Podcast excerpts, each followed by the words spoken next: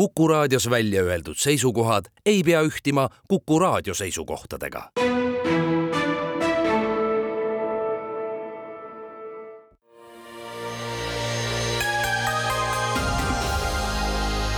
poliitikakuru, kui sina ei tegele poliitikaga, tegeleb poliitika sinuga. poliitikakuru.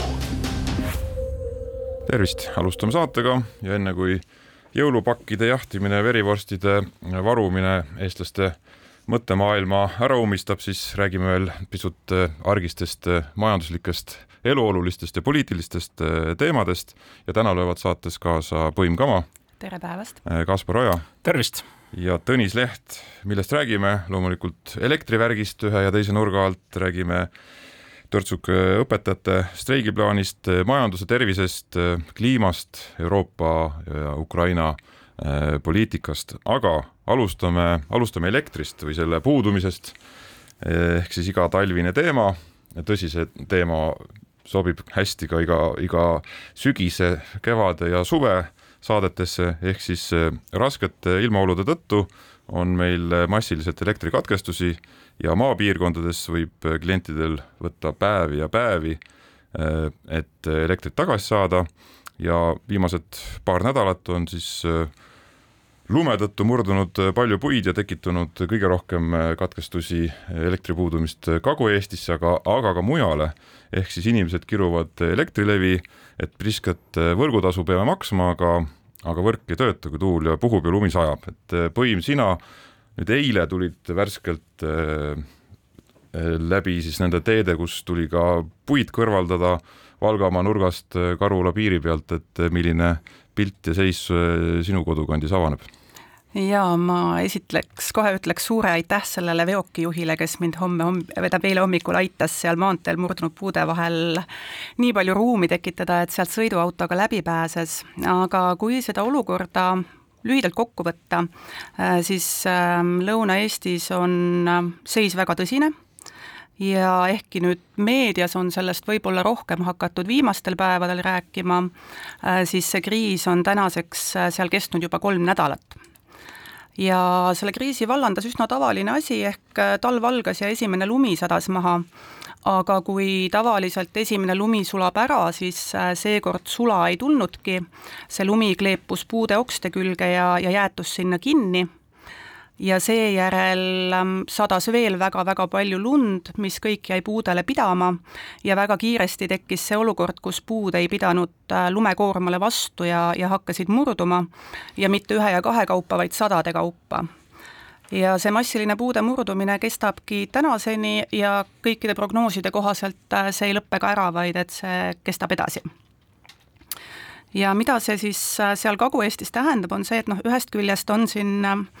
vahetu oht inimeste elule, tervisele ja varale ja nendest ähm, uudistest siin-sealt Eestist, et kus puud on langenud sõidukite peale või, või laps, laste koolibussi peale, me oleme ka saanud lugeda, et äh, nii era- kui riigiteed on murdunud puid täis ja väga palju lähebki ressurssi iga päev selle peale, et et püüda ühendusteid lahti hoida. Ja mis äh, siis olukorra talvisel ajal kõige raskemaks teeb, on see, et nende kolme nädala vältel ongi elektrit saada olnud üsna harva ja napilt, sest et äh, täpselt samamoodi liinikoridorid on langenud puid täis ja pidevalt kukub sinna uusi puid peale aga et ähm, kui tulla selle juurde, mis sa, Tõnis, ütlesid, et inimesed kiruvad Elektrilevi, siis mulle näib, et, et noh, ehkki need tingimused on erakordsed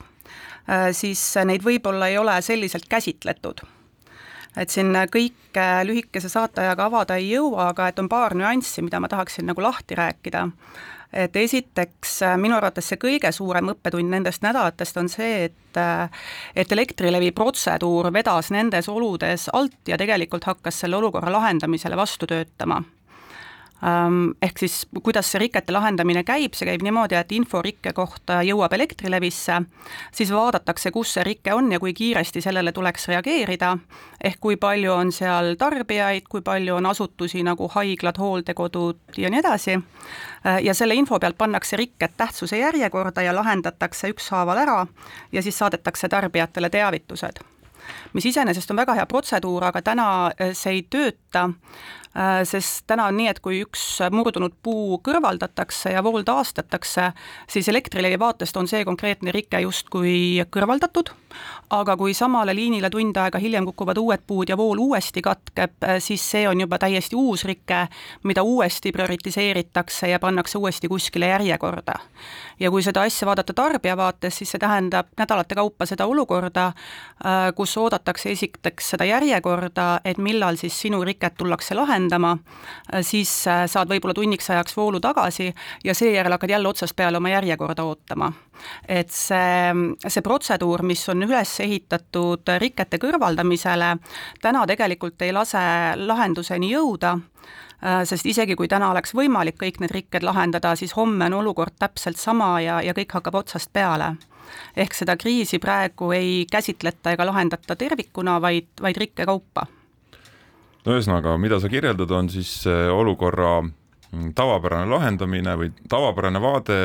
olukorraga, kus, mis on tegelikult tunduvalt ulatuslikum kriis.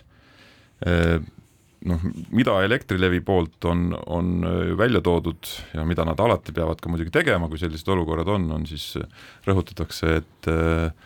et Eesti võrk, elektrivõrk, mis elekt-, eriti mis Elektrilevi halduses on, on, on vana, eriti mis puudutab äh, keskpingevõrku, äh, amortiseerunud, nõukogude ajast pärit ja seal on selline nii-öelda looduskindlus on, ongi madal. et madalpingevõrguga on äh, seis parem, sinna on üsna palju investeeritud, rohkem investeeritud viimastel aastatel, pandud sinna ilmastikukindlamad õhu nii-öelda kaabliliinid ja, ja see peab paremini vastu. et noh, iseenesest on see kõik õige, et investeeritud ja on päris palju, aga, aga see investeeringu maht, mida oleks vaja teha, on endiselt väga-väga suur ja pole selget äh, perspektiivi, kust see konkreetselt peaks tulema ja teine aga... küsimus ongi selles kriisivalmiduses ja kriisiressurssides, et kuidas me neid olukordi haldame. täna hommikune hea uudis tegelikult oli see, et äh, Transpordiamet sai nüüd aru, et äh, teid ei saa puhastada puu puu haaval selles olukorras, vaid et nad suunasid teedele lisatehnika, et mitte lõigata ära ainult need puud, mis juba on kukkunud, vaid ka kõik need, mis järgmisena kukuvad. ehk siis tehakse keerulistes kohtades selline põhjalik trassipuhastus, äh, mis oleks ilmselt ka elektriliinide puhul lahendus, aga, aga selleks ei tundu siis ressurssi praegu jätkuvat ilmselt jah, see, see elektri katkemine on, on olnud teemaks mitte ainult Lõuna-Eestis, vaid ka täitsa Tallinna lähedal, et äh, tean ka neid näiteid, kus on niimoodi nädal aega elekter ära olnud, et tuleb korraks tagasi, siis on jälle ära et äh, üks äh, tuttav näitas oma telefoni, kus siis olid SMS-id, et vool tuli, vool läks, vool tuli, vool läks. aga, aga ma olen aru saanud äh, äh, niimoodi nende inimestega suheldes, kellel see probleem on olnud, et äh, et äh, neil, neil on olnud ka vahetut kontakti Elektrileviga ja noh, seal on näiteks ühe põhjusena välja toodud see, et maaomanikud ei ole lasknud oma maal äh, puid piirata ja seetõttu äh, noh, on see probleem kasvanud ja nüüd tuleb seda väga kiiresti teha, et siin no ühe näite puhul näiteks äh, tuli vool tagasi ja sellele järgnes siis sõnum, et, et paneme teile voolu tagasi, aga varsti võtame kolmeks tunniks ära, sellepärast et me läheme raietöid tegema et nüüd saime lõpuks sinna maale ligi. ehk tegelikult on siin ka niisugust võib-olla inimeste mõistlikkust või, või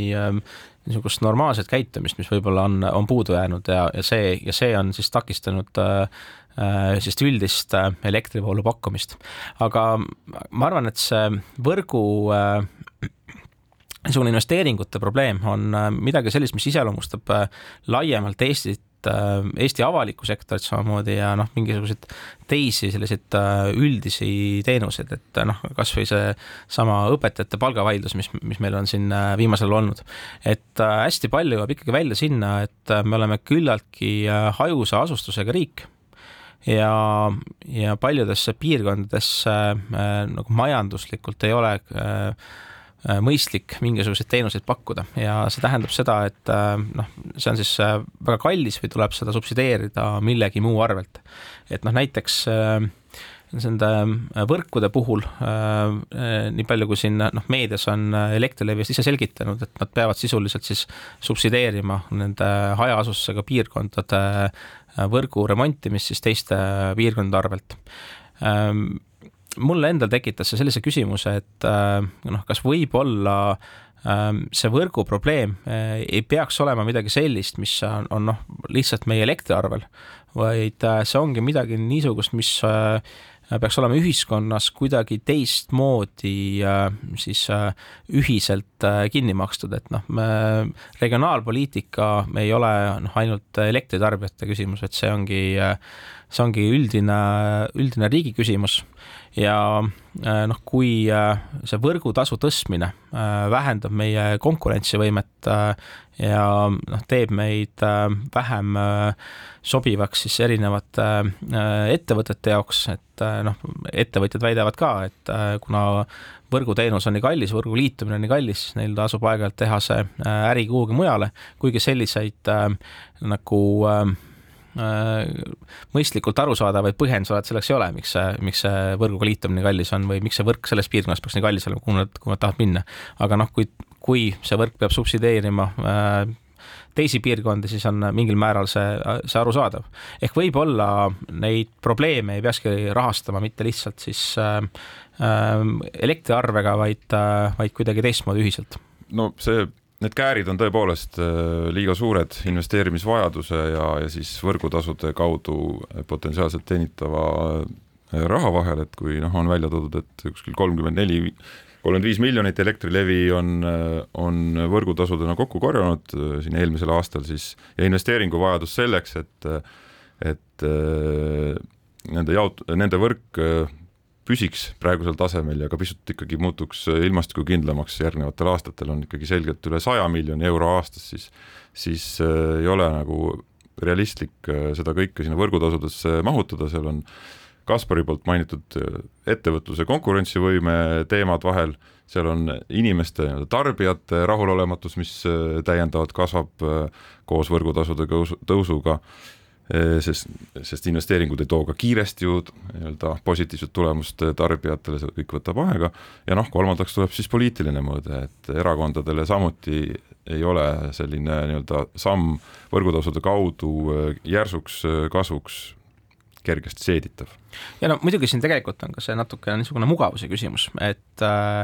nende niisuguste kaugete talude puhul, et äh, üks asi on see, et kui äh, Äh, see elekter peab olema tagatud neile inimestele, kes seal elavad, kes on seal niimoodi äh, äh, elanud põlvkondi, aga noh, teine küsimus on see, et kui rajatakse näiteks suvekodusid äh, maapiirkondadesse äh,, kas siis seal peab olema ka samamoodi aastaringselt äh, selline toimepidevus tagatud. et noh, siin on ka rahvusvahelised, on teisi näiteid, kus äh, ongi defineeritud piirkonnad, mis on, mis on mõeldud siis hooajaliseks elamiseks ja seal selliseid teenuseid tingimata talvel ei tagatagi nii palju, kui ma seda kohalikku vaadet oskan jagada, siis tegelikult noh, neid kriise on ju viimastel aastatel veel olnud ja võrdlusmomendid on olemas.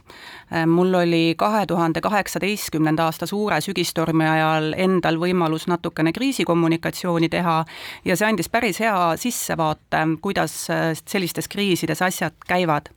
ja kui ma nüüd võrdlen tänast olukorda siis selle viie aasta tagusega, äh, siis see mulje on, et inimesed on paremini valmistunud. hästi palju on generaatoreid, neil on mootorsaed, neil on see tugivõrgustik, et nad saavad, teavad, et äh, kust abi saab, äh, et see võimekus on palju parem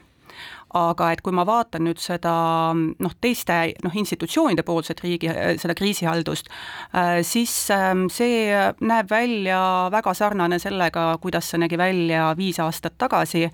ehkki toona ka sellest kriisivõimekuse tõstmisest palju räägiti ja pärast seda on olnud ka mujal riigis erinevaid kogemusi, näiteks Saaremaa äh, suurtalvine elektrikatkestus. et, äh, et natukene see tunnetus küll siit on, et et äh, noh, me delegeerime väga palju neid asju elanikele, äh, mis noh, ongi mõistetav, seepärast et ähm, et inimesed ju tegelikult tahavad toime tulla ja teevad omalt poolt ka kõik selleks, et, äh, et saada hakkama, aga teiselt poolt see,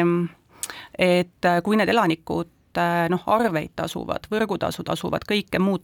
teevad, makse maksavad sarnaselt kõigi teiste Eesti elanikega, et siis ei tundu põhjendatud see,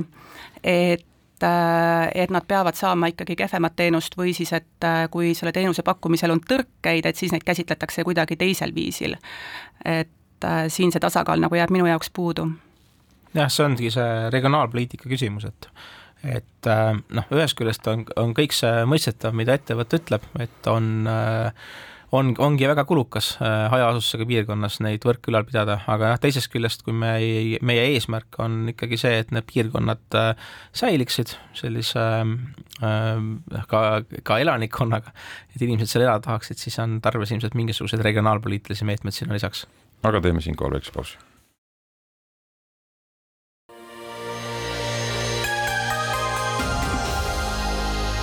poliitikakuru, kui sina ei tegele poliitikaga, tegeleb poliitika sinuga. poliitikakuru. jätkame saatega stuudios Põim Kama, Kaspar Oja ja Tõnis Leht. elektriga on mured siin ja seal, majandusse kindlasti hästi ei mõjuta, aga majandusel on ka Eesti kontekstis laiemad probleemid.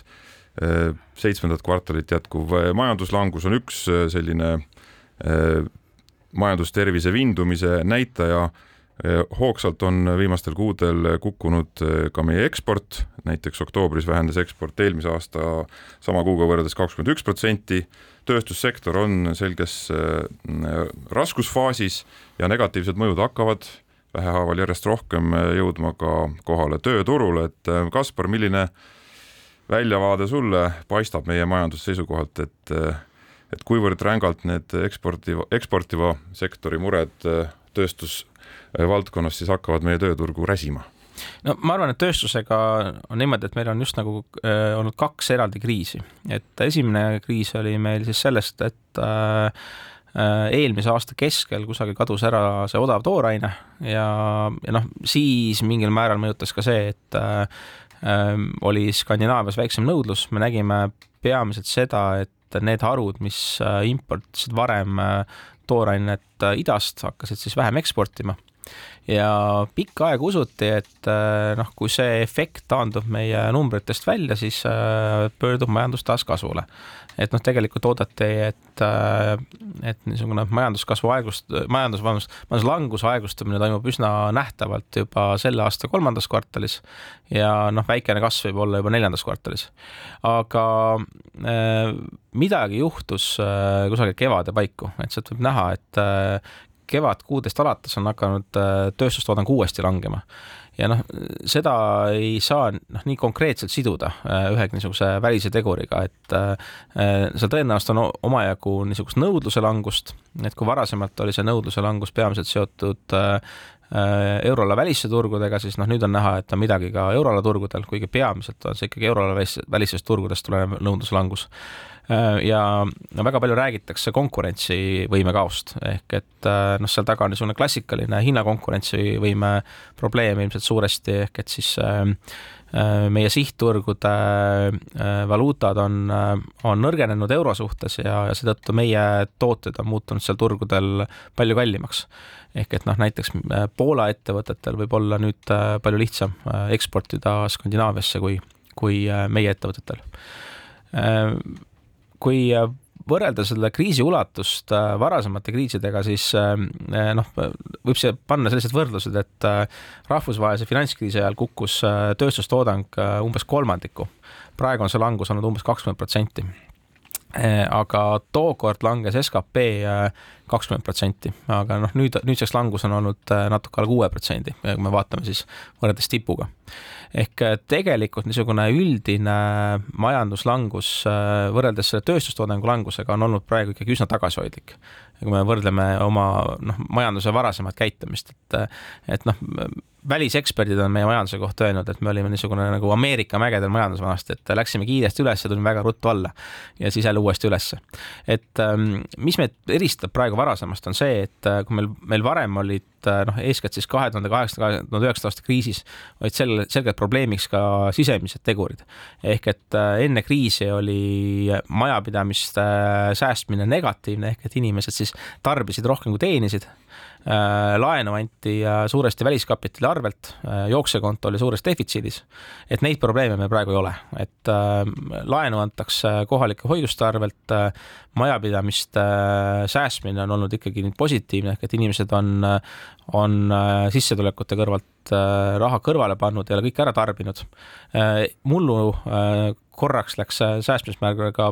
nulli nii-öelda, aga noh, sealt taga tõenäoliselt on meie noh, mõned sellised äh, sotsiaalpoliitilised äh, otsused varasematel aastatel. Ja noh, kui küll, kui nende efekt välja taandub, siis äh, on ka säästumäär jätkuvalt äh, positiivne. ehk äh, mis nüüd praegu, praegu eristab varasematest kriisidest, on see, et sisemajanduslikult me oleme väga palju paremini hakkama saanud ja noh, näib, et see on niisuguse suurema kriisi ära hoidnud nüüd, kas see tööturule jõuab, noh, natukene on juba jõudnud, aga üle maailma tundub, et praegu oodatakse just nagu, et see tööturu reaktsioon saab olema väiksem kui varem. noh, harilikult kriiside alguses on ikka see, et, et need viimased sõnad, mis valesti öeldi, olid, et seekord läheb teisiti. aga siiski noh, praegu näib olevat selline üldine arvamus, et, et niisugust väga suurt äh, hõivelangust ei tule, nagu oli, oli varasemates kriisides ja see töötuse kasv on seni tulnud peamiselt äh, äh, siis sellest, et inimesed, kes varem ei töötanud, on hakanud tööd otsima aga mure sellepärast, milline saab olema meie nii-öelda pikaajaline konkurentsivõime, eriti just eksporditurgudel, muidugi ei ole ainult, eks ole, nii kitsas, et äh, kui, kui sinu kirjeldatud siis rahakursside kõikumine euro ja siis, siis Skandinaavia teiste turg, sihtturgude osas, et, et ka meie palgatasemed on oluliselt tõusnud ja meie energia hind eriti Skandinaaviaga võrreldes kipub olema konkurentsi mõttes pisut kõrgem, noh, Venemaa nii-öelda konkur-, nii-öelda geograafiline lähi, eelis on ka ära kadunud, sealt äh, lähtuv äh, odavam toore ja, ja muud kaubandussidemed on suuresti kannatada saanud, et noh, küsimus on ka, kuidas me tulevikus, kui kui, kui Skandinaavia kosub näiteks, ja teised turud kosuvad, et kuidas me siis eh, suudame konkurentsivõimelised olla, olla ja siin nagu väga häid eh, vastuseid eh, väga palju kosta pole olnud, põhiliselt kostab kriitika selles osas, et, et valitsus mitte midagi ei tee. jah, et eks ma, ma arvan, et ettevõtted tegelikult tegutsevad väga palju selle nimel, et see konkurentsivõime taastada ehk äh, need ettevõtted, kes oma turud kaotasid, on äh, otsinud uusi turge ja noh, ilmselt neil õnnestub ka uutele turgudele siseneda, aga see noh, võtab mõnevõrra aega, sellepärast et äh, no näiteks nende äh, maja detailide või siis valmis majade puhul on, on oluline see, et tuleb, tuleb hakkama saada ka kohalike ehitusnõuetega ja ja noh, oma projektide neile vastavaks viimine, sertifitseerimine võtab mõnevõrra aega. ehk seega noh, võib, võib ka arvata, et niisugust väga kiiret tagasipõrget ei tule, aga samas need ettevõtted ei ole praegu kuidagi nagu väga pessimistlikud oma tuleviku osas, et et seal on ikkagi teatud optimismi näha. Ja noh, kui, kui mõelda ka sellisele noh, tulevasele äh, kliimapoliitikale või siis meie äh, majade efektiivsemaks ehitamisele, siis tegelikult äh, võib-olla mõnevõrra sellise sektori puhul oleks ka vaja seda, et nad keskenduksid vähem uute ehitamisele ja,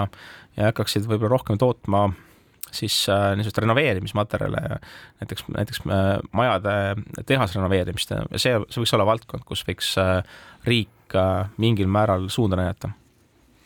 selle konkurentsivõime puhul ongi kaks mõõdet, et üks on see pikk vaade ja teine lühike vaade. lühike vaade on see, et et kuidas seda noh, sisemajanduskeskkonda ja konkurentsivõimet hakkavad mõjutama need muudatused, mis siin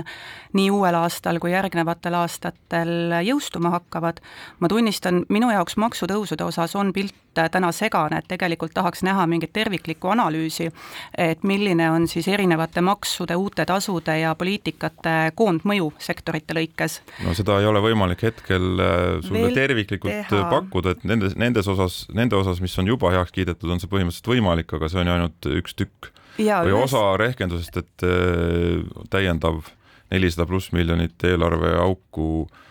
on vaja millegagi sisustada, olgu need siis maksutõusud või, või, või, või, või siis äh, ka täitsa uued maksud. Äh, see ongi see, mis seda pilti segaseks muudab, et ühest küljest teatud muutusi me teame, et käibemaksu tõus, alampalga tõus, saastetasud, erinevad riigilõivud, ähm, ka automaks, mis teatud sektoreid kindlasti mõjutab, aga, aga teisalt seal on ka see teadmatus, et millised täiendavad kulud lisanduvad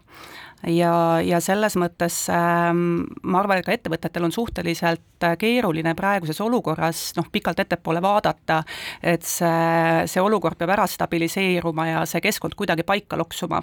et on võimalik, noh, tekib nagu võimalus siis analüüsida, et et äh, millised hakkavad olema need tegevuskulud ja sisendhinnad, milliseks kujuneb siis ka see toodangu hind ja, ja milline on selle toodangu konkurentsivõime erinevatel turgudel. ja see on minu arust üks asi, mida toovad ettevõtjad äh, tihti välja, et äh, väga keeruline on teha niisuguseid pikaajalisi otsuseid ja isegi nagu võib-olla probleemiks pole nii väga need maksutõusud, mis ootavad lähiaastatel ees ähm, aga noh, probleemid on erinevad, noh näiteks keskkonnanõuded sellepärast et eh, noh, me peame hakkama oma seda süsiniku jalajälge siin eh, üsna kiiresti kokku tõmbama, et me, riik on kohustused võtnud, eh, aga noh, nüüd on küsimus, et kuidas need kohustused nagu pärisellu rakenduvad ja missuguseid investeeringuid on võimalik ettevõtetel päriselt teha mis, mis tulevikus ära tasub või mida kinni ei panda, ehk et tegelikult selle jaoks äh, oleks vaja need reeg-, nendes reeglites väga ruttu kokku leppida ja selline Eh, enam-vähem selline nagu teekond maha panna, et siis äh, ettevõtted saaksid ka oma otsuseid teha ja see puudutab ka näiteks sedasama energiat, millest me enne rääkisime, et äh, mismoodi lahendatakse näiteks ähm, äh, et, uute ettevõtete võrku liitumine tulevikus. Kas meil on tulevikus võimalik Eestisse rajada energiamahukaid ettevõtteid ähm, või, või kuidas rajada näiteks tulevikus tuuleparke ja muud sellist, et noh, kõik, kõik need reeglid oleks hea kokku leppida. kindlasti maksukeskkond selgemaks, siis kliima üleminekuga seotud reeglistiku teekaardi tekitamine võimalikult kiiresti mõistliku aja jooksul, need on vajalikud asjad, et nii-öelda keskkond oleks arusaadav, noh ja sinna kõrvale siis on tarvis soodustada äh, Eh, rohelise energia, taskukohase rohelise energia arengut ja tootmisvõimsuste tekkimist Eestisse, et noh, seda on vähemalt ütleme, need plaanid on hakanud väikest viisi tekkima, aga noh, muidugi määramatust on seal veel eh, väga palju ja noh, küsimus ei ole ainult ka muidugi eh, taastuvenergias, et ka siis juhitava tootmisvõimsuse osas on ikkagi noh, on esimesed pääsukesed ja ka salvestusvõimsuse osas on esimesed pääsukesed tekkimas märkimisväärse mahuga, aga noh, tegelikult on seal ka palju määramatust, et see on ka miski, mida, mida siis pikemas perspektiivis kindlasti tule-, praegune ja tulevased valitsused tegema peavad ja, ja seda nad saavad siis majanduse kosumise jaoks pakkuda aga noh, poliitiline keskkond lähikuudel ja võiks isegi öelda võib-olla kvartalites ja mõõdetuna ja võib-olla aasta, aastane mõõdetuna on muidugi poliitiliselt koalitsioonile ja valitsusele väga keerulised, sest et eh, noh, kui, kui ikkagi tööpuudus ka pisut kasvab, tulevad eh, juba teadaolevad maksutõusud, pluss siis need, mida veel teada ei ole, eh, see kõik kokku kombinatsioonis veel võimalike täiendavate kärbetega eelarve kulude poolelt, et see, see ei ole nii-öelda populaarne eh, kompott ja see on vesi opositsioon, ükskõik kelle veskile, kes on parasjagu opositsioonis, nii et ega selles kontekstis kerge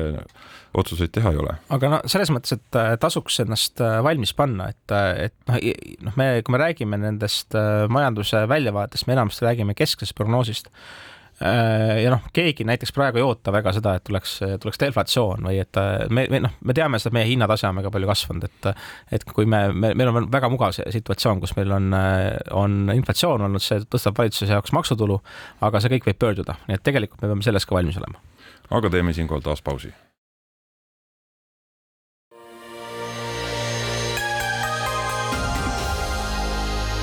poliitikakuru, kui sina ei tegele poliitikaga, tegeleb poliitika sinuga. poliitikakuru. jätkame saatega stuudios Põim Kama, Kaspar Oja ja Tõnis Leht ja haridusest, õpetajatest ja streigist ei pääse päris mööda ka seekord. eelmisel nädalal võttis Riigikogu küll juba järgmise aasta riigieelarve usaldushääletusel vastu, president kuulutas värskelt selle riigieelarve seaduse ja veel mõned seotud seadused eh, sel nädalal ka välja, aga haridustöötajad istusid koos ja leidsid, et valitsuse poolt pakutav neid siiski ei rahulda ja, ja õpetajate tähtajatu streik on plaanitud jaanuari, kakskümmend kaks jaanuar algama ja omavalitsused on siis olukorras, kus nad kaaluvad, kas õpetajatele mõeldud palgalisa siis streigiperioodil selle maksmist jätkata või mitte Tallinna linnapea Kõlvart on küll kuulutanud, et Tallinn õpetajate streigi õigust ja plaani toetab ja, ja vähemalt mingi perioodi jooksul maksmist jätkab. aga kuidas teile paistab, et kui, kui seda teemat lühidalt vaadata, et kui kaua ühiskond õpetajate selja taha jääb, kus ta hetkel tundub, et pigem on, kui kaua lapsevanemad seda taluvad, kui koolid ja lasteaiad kinni kipuvad olema Äh, esimene huvitav küsimus on see, et äh, milliseks äh, kujuneb see streigi aktiivsus või osalusmäär. et kui hoiatusstreigi puhul see oli suhteliselt kõrge, siis ma arvan, et selle päris streigi puhul hakkavad mängima erinevad tegurid. et esiteks seesama küsimus, mida sa juba mainisid, et kas omavalitsused maksavad streikijatele õpetajatele palka või mitte teiseks ongi seesama, et äh, tegelikult ma arvan, et paljudel haridustöötajatel on ebamugav seda elu äh, seisma panna niimoodi, et nad on väga teadlikud sellest, et koolide ja lasteaedade sulgemine, et milline mõju sellel on. Ja, ja kolmas asi, noh, mida ma näen, on võib-olla see, et jälgides seda retoorikat, mille siis Remo Voltri ja tema kaudu ka Haridustöötajate Liit on valinud, et siis äh, siin on suur risk, et asetatakse iseendale kenasti see reha maha, mille peale siis astutakse. et ühest küljest muidugi huvi kaitses on, on väga oluline oma huvide eest jõuliselt väljas olla, aga kategooriline leppimatus ja teise poole avalik ründamine, et sellega on lihtne üle piiri minna äh, ja siis tõesti see avalik arvamus äh, võib pöörduda et kui siin mõned näited tuua, et siis süüdistada Eesti valitsust siis hariduse hävitamises, ignorantsuses ja muude sõnadega, mida on kasutatud, äh, siis see on midagi, mida tegelikult paljudel õpetajatel, kes on ikkagi haritused inimesed, äh, neil on piinlik näha. ja, ja siis on see võimalus, et kui päriselt streigiks läheb, äh, siis see osalusprotsent ei pruugi olla nii kõrge kui hoiatusstreigi puhul jah, no siin, siin on ka see küsimus, et äh, mis on äh, see palgatase, mida õpetajad soovivad streigiga saada. Ehk ähm, kui äh, vaadata nagu seda arutelu, noh, püüda, püüda mõista poliitikuid, kes selles arutelus on, siis nende jaoks tõenäoliselt tundub see palgatase küllaltki madal, sest et noh, ministrite, Riigikogu liikmete palgad on palju kõrgemad, aga tegelikult, kui me vaatame üldist palgajaotust, siis, äh, siis ikkagi noh, suurem osa inimesi saab äh, Eestis palju väiksemat palka. ja kui me võrdleme nüüd seda õpetajate paiknemist palgajaotuses äh, teiste riikidega, siis noh, näiteks Soomega võrreldes tegelikult ei olegi Eestis üldse väga kehvasti. Et noh, ütleme keskkooliõpetajate puhul on umbes sama ja ütleme siis äh, algkooliõpetajate, äh, lasteaiaõpetajate puhul on äh, see seis isegi parem. Minu jaoks niimoodi kõrvaltvaatajana on olnud selle juures huvitav, on see, et see õpetajate nagu siis ütleme siis löögirusikas on püsinud suhteliselt ühtne, et tegelikult noh, võiks äh, riik püüda või siis valitsus püüda käsitleda õpetajaid äh, erinevate gruppidena ja diferentseerida palgapakkumist. ja noh, võib-olla sellise noh, strateegiliselt see tegelikult äh, võimaldaks seda siis siis nagu õpetajate streigi mõju natukene vähendada kui neid nii-öelda siis omavahel tülli ajada. aga kas, kas see nüüd jah, on eetiline või, või viisakas, see on, see on nagu teine küsimus loomulikult no mida, mida oskaks soovitada õpetajatele, et sellest eh, vaidlusest väljuda vähemalt siis niimoodi, et kaks tuhat kakskümmend viis ja sealt edasi eh, nii-öelda saadaks kätte tõsiseltvõetavad tõusulubadused mis puutub kaks tuhat kakskümmend neli eelarvet, siis see on muidugi, on keerulisem ja, ja ka valitsuse vaat-, jaoks eriti just keerulisem ja põhimõttelisem äh, koht, äh, kus nii-öelda järeleandmiste tegemine on muidugi äh, ka tehniliselt päris keeruline, et aga noh, kui on lubatud juba see kaheksa miljonit mis õnnetuse või protseduuriliste raskuste tõttu jäi eelarvesse sisse panemata, kui see läks usaldushääletusele, et see siiski jõuab ka õpetajatele, siis ka pärast usaldushääletusele eelarve vastuvõtmist, siis noh, eks see annab võib-olla ka siis õpetajatele indu, et või nende esindajatele indu, et on võimalik ka neid täiendavaid summasid eh, ka jooksva aasta jooksul leida ja, ja eelarvesse susata. tundub Aga..., et võib-olla see fookus ongi ähm, noh, natukene langenud liialt sellele streigile ja järgmise aasta riigieelarvele ja et ka Haridustöötajate Liidu äh, tähelepanu äh, tegelikult ähm, on natukene vale koha peal, et see, mida tasuks praegu teha, on hoida pikka vaadet silma ees, et äh, mõistlik on ähm, praegu ikkagi Haridusministeeriumiga pidada neid pika vaate läbirääkimisi,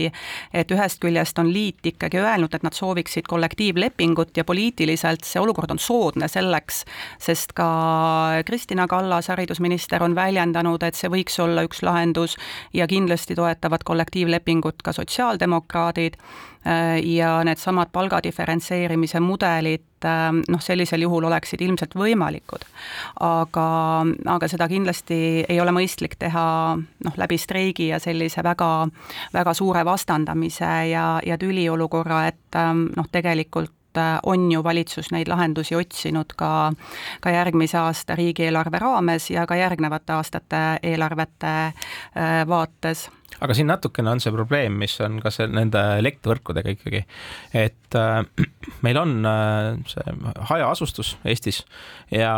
ja me peaksime võib-olla äh, mitte mõtlema selle nagu ainult äh, ütleme, järgmise aasta, ülejärgmise aasta eelarve peale, vaid, vaid mõtlema sellele, kuidas neid teenuseid ikkagi mõistlikumalt äh, pakkuda, et Eestis on see mm, süsteem, mis meil on valitud, on niisugune põhjamaine, et me räägime hästi palju sellest kohaliku äh, võimu roll peab olema suur ja on siis see nii-öelda äh, kohalike omavalitsuste finantsautonoomia, aga me seal sageli unustame ära selle, et et äh, nende kohalike omavalitsuste võimekus on erinev ja noh, sageli Skandinaavias, kui me räägime finantsautonoomiast, me räägime kohalikest omavalitsustest, mis on umbes sama suured kui Eesti riik. et võib-olla siin ikkagi tuleks mõelda selle ähm, õpetajate palga arutelu juures ka sellele, et ümber kujundada kogu seda haridussüsteemi ja noh, võib-olla siis, siis äh, tuua seda rohkem äh, äh riigi korraldada ja äh, vähem omavalitsuste, omavalitsuste kätte. no igal juhul, kui see streik ikkagi tuleb äh, ja tuleb äh, pikaajaline siis jah, saab olema huvitav näha, et kui monoliitseks õpetajad jäävad, kui kõrge osalus saab olema ja võib ennustada, et ühiskondlik toetus iga streigipäevaga väheneb, aga täiesti kindel võib olla selles, et valitsusele või koalitsioonile see streik ei üht, ühtegi pidi nii-öelda ühiskonnas laiemat toetust ei too, et see see viib eh, valitsuserakondade reitingut nii-öelda nina otsa allapoole, aga teeme siinkohal taas väikse pausi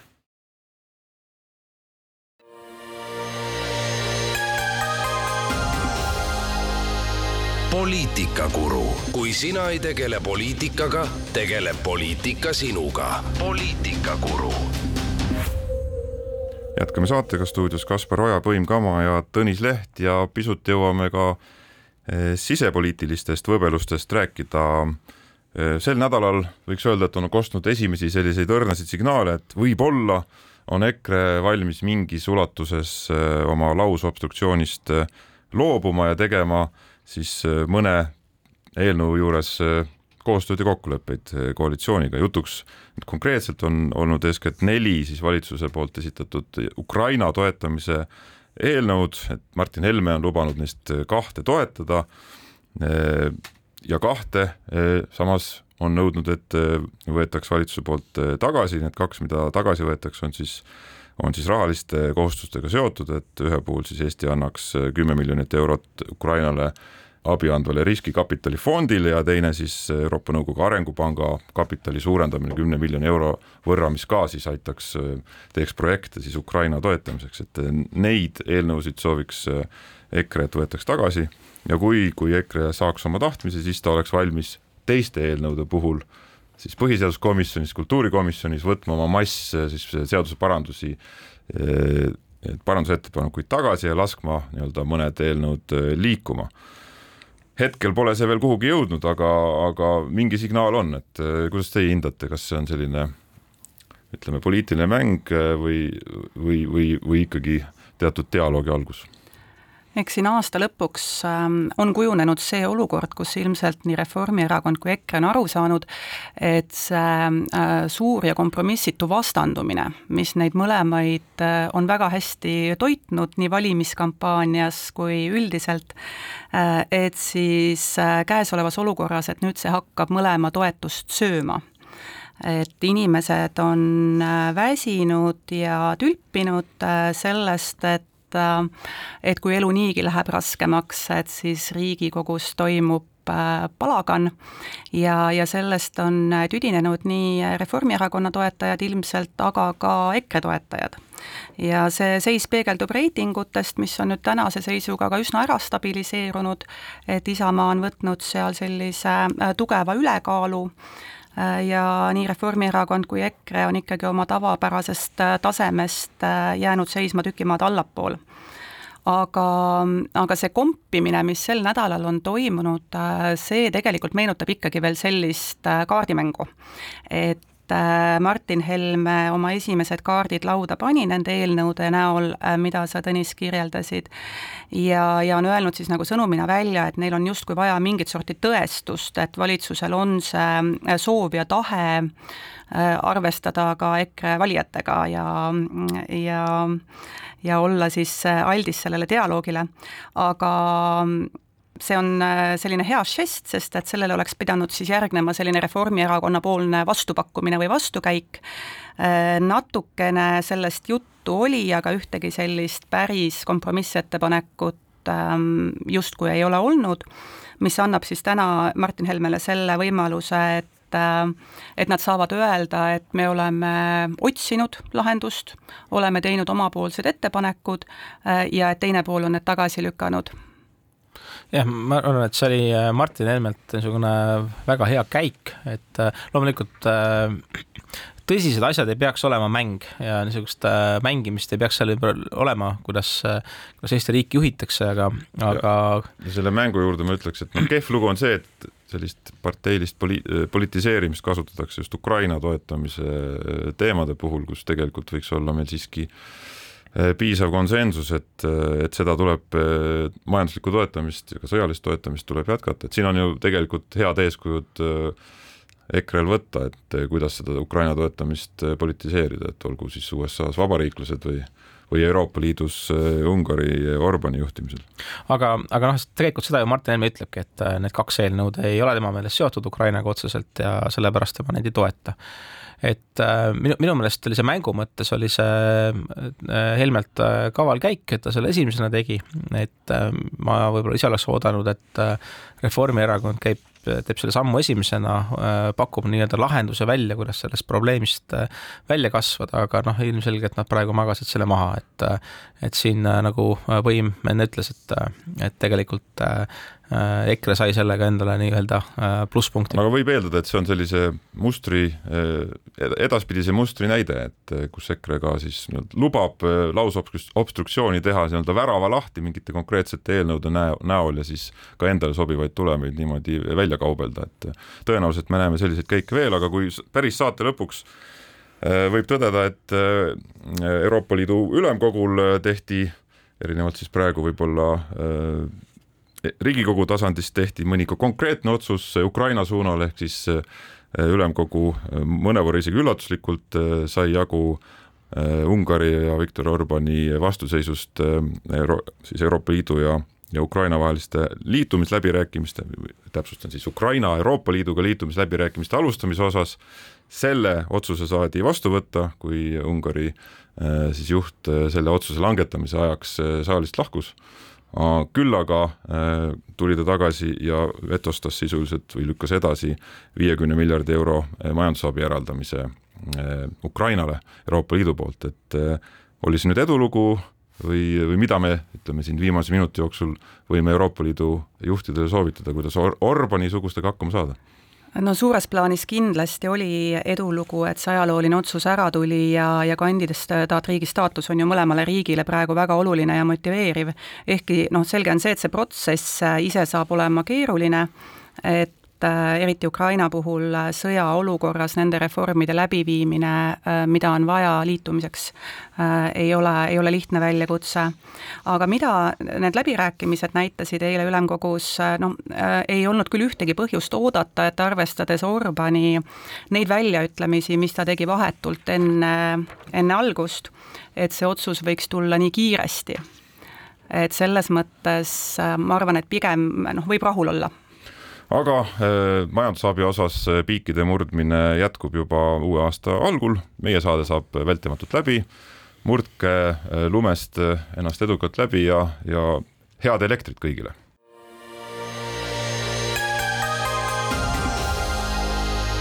poliitikakuru, kui sina ei tegele poliitikaga, tegeleb poliitika sinuga. poliitikakuru